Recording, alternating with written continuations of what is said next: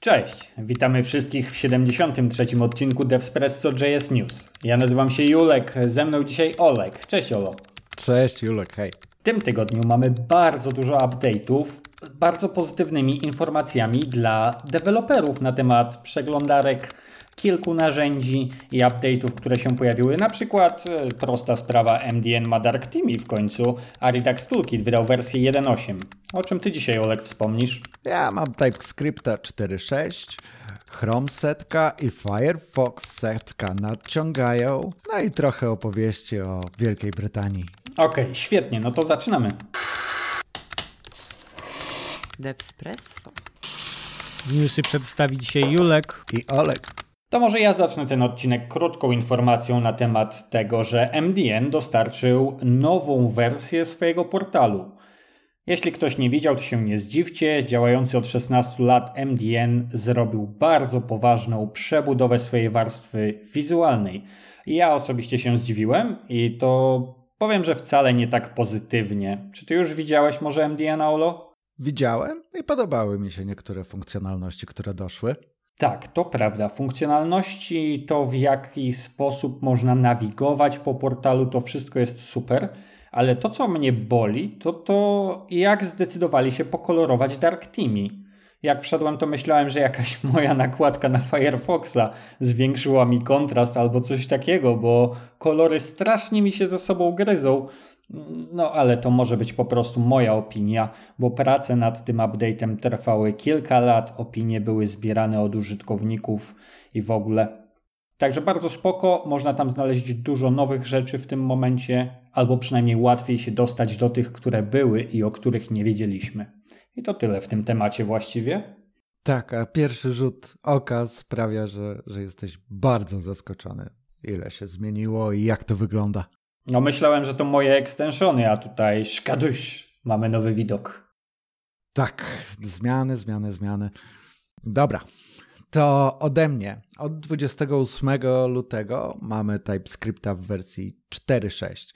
I tak jak wspominaliśmy w odcinku 68, trochę rzeczy doszło, trochę się zmieniło. Jest na przykład opcja umieszczenia kodu przed konstruktorem w JavaScriptie. Nie dostajemy już errorów, za to nie dostajemy błędów, nic się nam nie pokazuje. Będzie to spokojniej znoszone, jak wykorzystujemy DISa. Później, jeśli spredujemy z obiektu tak zwany klucz REST jako resztę, nie będą dostępne niespredowalne i niepubliczne metody, takie jak gettery i settery, co również ma dla nas znaczenie. Usunięto zbędne argumenty przy kompilacji React JSX. Dopisywany był tam magiczny void zero. Nie będzie. I drobna zmiana w zakresie JS-doków, gdy używamy paramu mm -hmm. do połączenia nas zmiennych z funkcji z dokumentacją, którą piszemy równocześnie w pliku, będą nam się pokazywały dodatkowe pop-upy, jak zmienimy nazwy w funkcjach i nie będzie się to zgadzało z opisówką, której dokonaliśmy. Także bardzo przyjemny wizualny dodatek, który pomoże zapanować nad kodem. No to ekstra. Oprócz tego zmian wszystkich razem jest sporo. Polecamy dokumentację jak zwykle.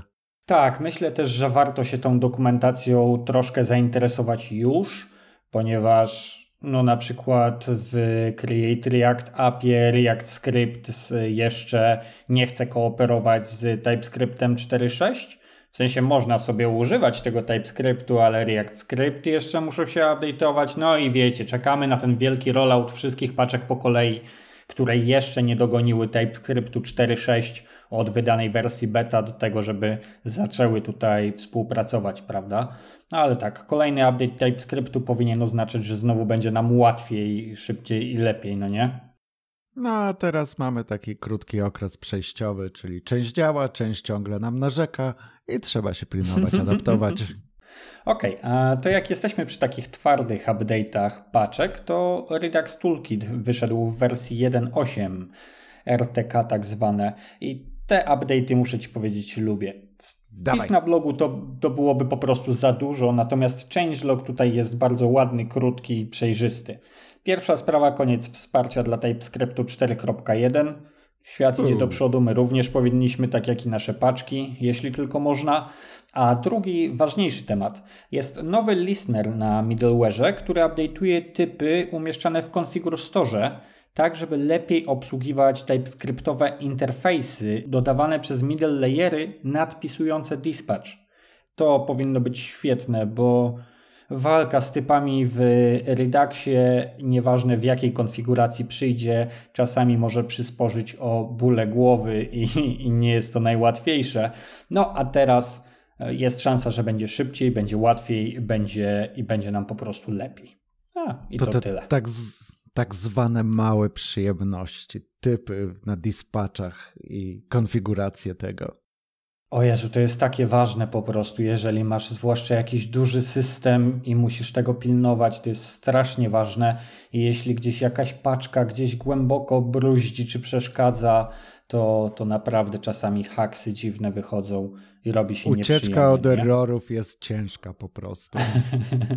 tak, tak. No to jest szansa w tym momencie na poprawę. Dobra, Julek, jak wiesz, Chrome i Firefox w wersji 100 nadchodzą. Chrome w marcu, Firefox w maju, czyli już niedługo. I jakie zmiany wejdą do tych przeglądarek, to będzie się działo. Ale to, co jest ważne i napisano już jako pierwszy akapit we wstępie do tego, to Chrome i Firefox, jak już będą w wersji 100, to koniec z dwucyfrową wartością będzie trzycyfrowa.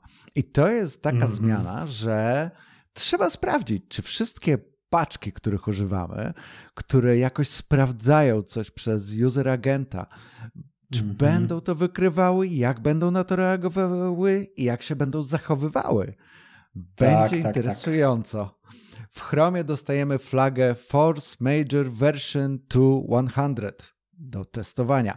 W Firefoxie dla odmiany trzeba się posłużyć wersją Nightly i ustawić w settingsach Firefoxa setkę user agent string na true. Taka mała przyjemność. Niby niedużo, a skomplikuje nam to życie. No, y, kojarzy mi się to trochę z historycznym historyczną paniką, że systemy padną w wyniku zmiany daty na rok 2000. Pamiętasz? Millennial tak. Bug. Tak, tak, Prawda? Tak. Trochę z tym mi się to kojarzy. No problem polega na tym, że e, sprawdzanie przez user agenta e, od wersji 10, e, która była już ile z dekady temu wydana w tych przeglądarkach bardzo często niestety nadal opiera się na sprawdzeniu wersji przez przyrównanie stringa. Więc wiesz, jak, jak tutaj wchodzą trzy cyfry, a ktoś stringa sobie sprawdza, czy są dwie wartości i jakie te wartości są, to to się może sypnąć. Więc tak, oni ostrzegają i to ostrzegają wspólnie, bo coś, co też zapisałeś, a nie wspomniałeś, to Chrome pisze o Firefoxie, a Firefox również o Chromie i na obu portalach pojawiły się update'y, nie? Tak, zgadza się. Wspomnieli o tym, można mhm. powiedzieć, razem. I Właśnie. Jest to miłe i przyjemne, że, że idzie to tak ręka w rękę. Bardziej kontrolowane, wydaje mi się, w trosce o użytkowników i problemy, które może to zrodzić. Tak, prawda. Jeszcze dzisiaj z pewnością na koniec opowiem dużo więcej na temat tego, że przeglądarki zaczynają intensywnie ze sobą współpracować, ale w tej chwili co innego. GitLab 14.8. I z jednej strony chcę Wam opowiedzieć o update'cie, który się wydarzył, chociaż to jest trochę bardziej dla użytkowników GitLaba jako SaaS. I na przykład pojawiły się update'y zarządzania grupami w projekcie, poprawiono w edytorze pipeline'ów podpowiedzi zmiennych, bo no, pisanie pipeline'ów, jeżeli nie masz żadnych sugestii, to może być bardzo niewygodna sprawa. Chwalał się, że poprawili. I ostatnia ważna rzecz, jeśli stosujecie GitLaba, to dodano nowe metody autentykacji przy pomocy OpenSSH 8.2. Pozwalają na autentykację przy pomocy SSH powiązanym z konkretną maszyną. To jest tak zwane Hardware-Backed SSH Authentication. Bardzo istotny security update w tej sprawie. Ale Fajnie. inna ważna rzecz, o której tak naprawdę chciałem przy tym wszystkim powiedzieć, to jest najważniejsza rzecz w tej materii. MVP w GitLabie z tego miesiąca to Piotr Stankowski. Gratulujemy Piotrze bardzo. Myślę, że jest to spore osiągnięcie ze względu ze względu na to, jaką pracę tam trzeba wykonywać oraz ile osób tak naprawdę kontrybuuje do GitLaba i dodaje swoje, swoje rozwiązania. MVP to jest tak zwane Most Valuable Person w GitLabie i określa osobę, która najbardziej pomogła w ostatnim okresie w rozwoju projektu. W tym miesiącu, jak powiedziałem, jest to Piotr Stankowski, niebagatelne osiągnięcie, a opis wykonanej pracy wskazuje jasno, że było jej dużo i jest bardzo wartościowa dla użytkowników, czyli dla nas. Gratulujemy Piotrze i życzymy dalszych sukcesów. Okej, okay. no więc jedziemy. Julek, jak wiesz, Wielka Brytania opuściła Unię Europejską i True. pracuje nad Online Safety Bill, czyli ustawą do internetu, dotyczącą internetu, a w szczególności mhm. zwracają tam uwagę na platformy social mediowe i na niezweryfikowane konta użytkowników. I jest to okay. ciekawe, tak jak tydzień temu wspominaliście o, o farmach botów i konstrukcjach w tym zakresie.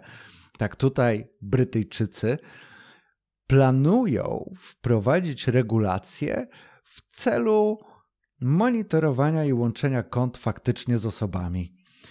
I propozycja mówi, że platformy mają dostarczyć użytkownikom możliwość potwierdzenia swojej tożsamości i blokowania kont bez sprawdzonej tożsamości.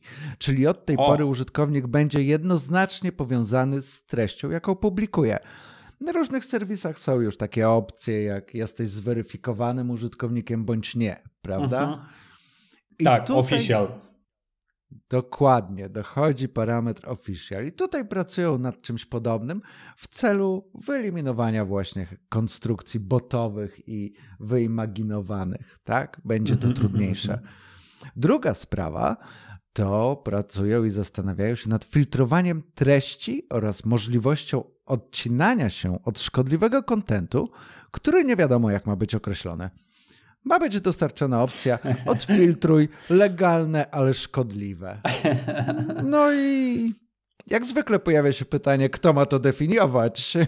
Czyli, czyli to wszystko wygląda, że jak zwykle propozycja prawna, no niby słuchamy tego, co mówi IT, ale jak my to w prawo ubierzemy, to już nie ma takich specjalistów, więc rzucimy jakimś terminem, nie? A tak, wy macie robić. Niech rynek, I będziemy niech was rynek rozliczać. się adaptuje. Tak. tak, tak. No ale słuchałem trzy miesiące temu materiału z jednym z deweloperów w BBC i oni pracowali nad takim scenariuszem w celu redukcji negatywnego kontentu. Miałeś uh mhm. -huh. jeden select, który pozwalał ci zaznaczyć i content był prezentowany, ale jak to zwykle się dzieje, wyblurowany, tak, żeby mniej cię Aha. przyciągał że o. nie było to odbieranie ci treści, było to ograniczenie ci, można powiedzieć, dostępu, co no, może mieć zastosowanie. Na pewno dla nas będzie to dodatkowa robota, tak, ale czy źle, czy dobrze, no to czas pokaże, tak? To, co jeszcze należy Skomplikowane tematy, nie? Skomplikowane. Bardzo, bardzo trudne, ale obecnie i od czasów COVID-u cały temat ograniczenia w internecie treści, jaka może być publikowana i jakie wzbudza emocje, jest istotny. Z ciekawostek w tym zakresie to, że do zweryfikowania tożsamości może, można wykorzystać różne funkcjonalności. Może to być facial recognition, może to być sprawdzenie ID, czy może to być po prostu two-factor authentication. Mm -hmm.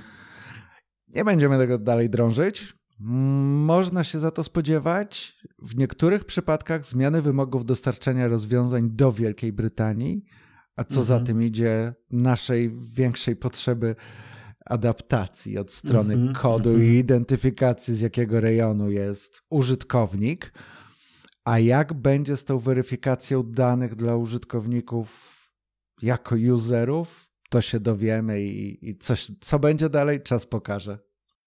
Sure. No to jest ciekawy temat. Wielka Brytania rzeczywiście podejmuje bardzo aktywną walkę i działanie celem uregulowania internetu i to zawsze może się skończyć na wiele sposobów, no nie?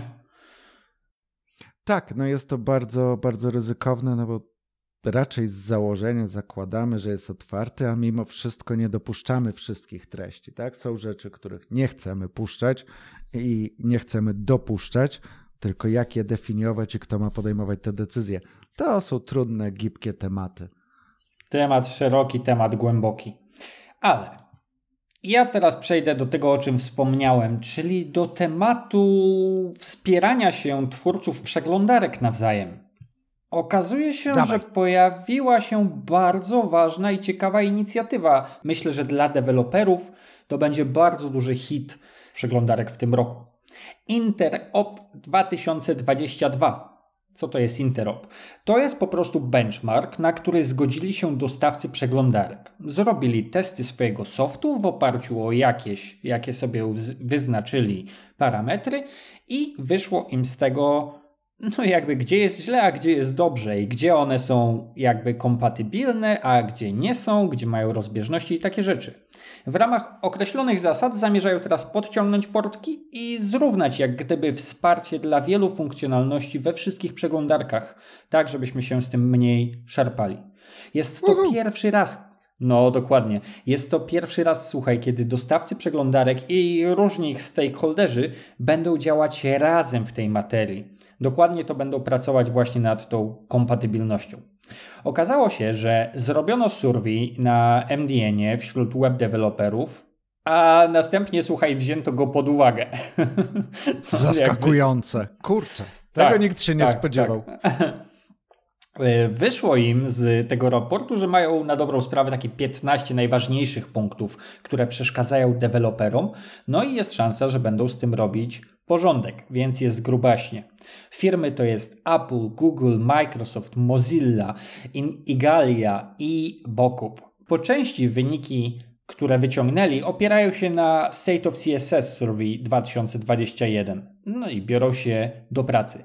A w których miejscach e, można oczekiwać słuchaj, lepszego wsparcia i poprawek? Ta lista jest naprawdę blisko tego, z czym pracujemy na co dzień. Na przykład kwestia elementów typu dialog albo formularzy, scrollingu, subgridów, typografia i encoding, o, albo po prostu web compatibility. No i jedna taka ciekawa rzecz podam Wam: viewport units. Jakby wiemy, że tych jednostek jest naprawdę sporo. Stosujemy sobie kilka, mamy przyzwyczajenia, standardy i takie rzeczy.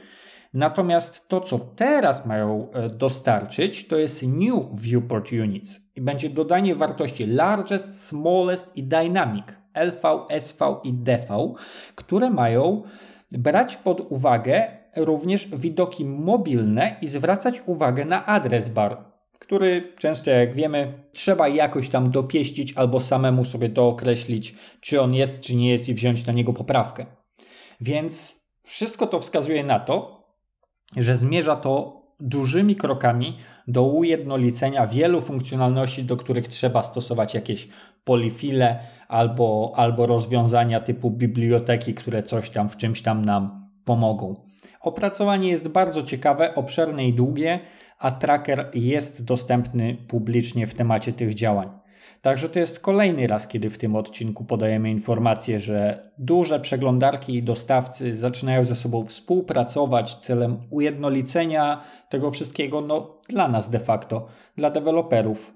Ja wiem, że dla użytkownika to w efekcie, ale tak naprawdę to są rzeczy, które będą dostępne dla nas i poprawią nam możliwości działania. Dla mnie ekstra. Dla mnie również super, bo, bo jak wiemy, te problemy z CSS-em i adaptacja do różnych przeglądarek to jest dużo spędzonego czasu. No wydawałoby się, może nie kluczowym rozwiązaniu, ale żeby osiągnąć mhm. efekt dla użytkownika no, kto nie pisał karuzeli z wsparciem scrolla poziomego, ze snapem i takimi rzeczami, która miałaby działać na wszystkim poza Internet Explorerem, ten, ten może jeszcze nie wiedzieć. jest szczęściarzem, może jeszcze nie wiedzieć, jak bardzo to boli i, i jak problematyczne jest, bo nawet wszystkie te rozwiązania boilerplate'owe jak Bootstrap, Undesign, materiale czy coś takiego, jak dają te mm, karuzele, to to jest skomplikowane, żeby zrobić tak, jak designer sobie wymyślił, no nie? Także Tak, może, tak. może i tutaj to wszystko nam pomoże, byłoby, byłoby naprawdę ekstra. Byłoby miło. I z mojej strony w tym tygodniu to już jest wszystko. Myślę, że bardzo ciekawe informacje się trafiły. Tak, no z mojej strony również to, to wszystko. Wydaje mi się, że tak wymieszane, twarde z miękkim, ale interesująco i ciekawie. Cały czas czas JavaScriptu idzie do przodu. Bardzo. Myślę też, że te newsy miękkie właśnie o tym nam tutaj dużo więcej opowiadają, bo czy tak naprawdę to są istotne dla nas informacje? Tak, są i to bardzo. A współpraca przeglądarek to dobra wróżba i daje pewną nadzieję, że będzie minimalnie łatwiej. Jep, zdecydowanie. Okej, to dziękujemy wszystkim, którzy zostali z nami do końca i do usłyszenia następnym razem. Hej! Dzięki wielkie, hej!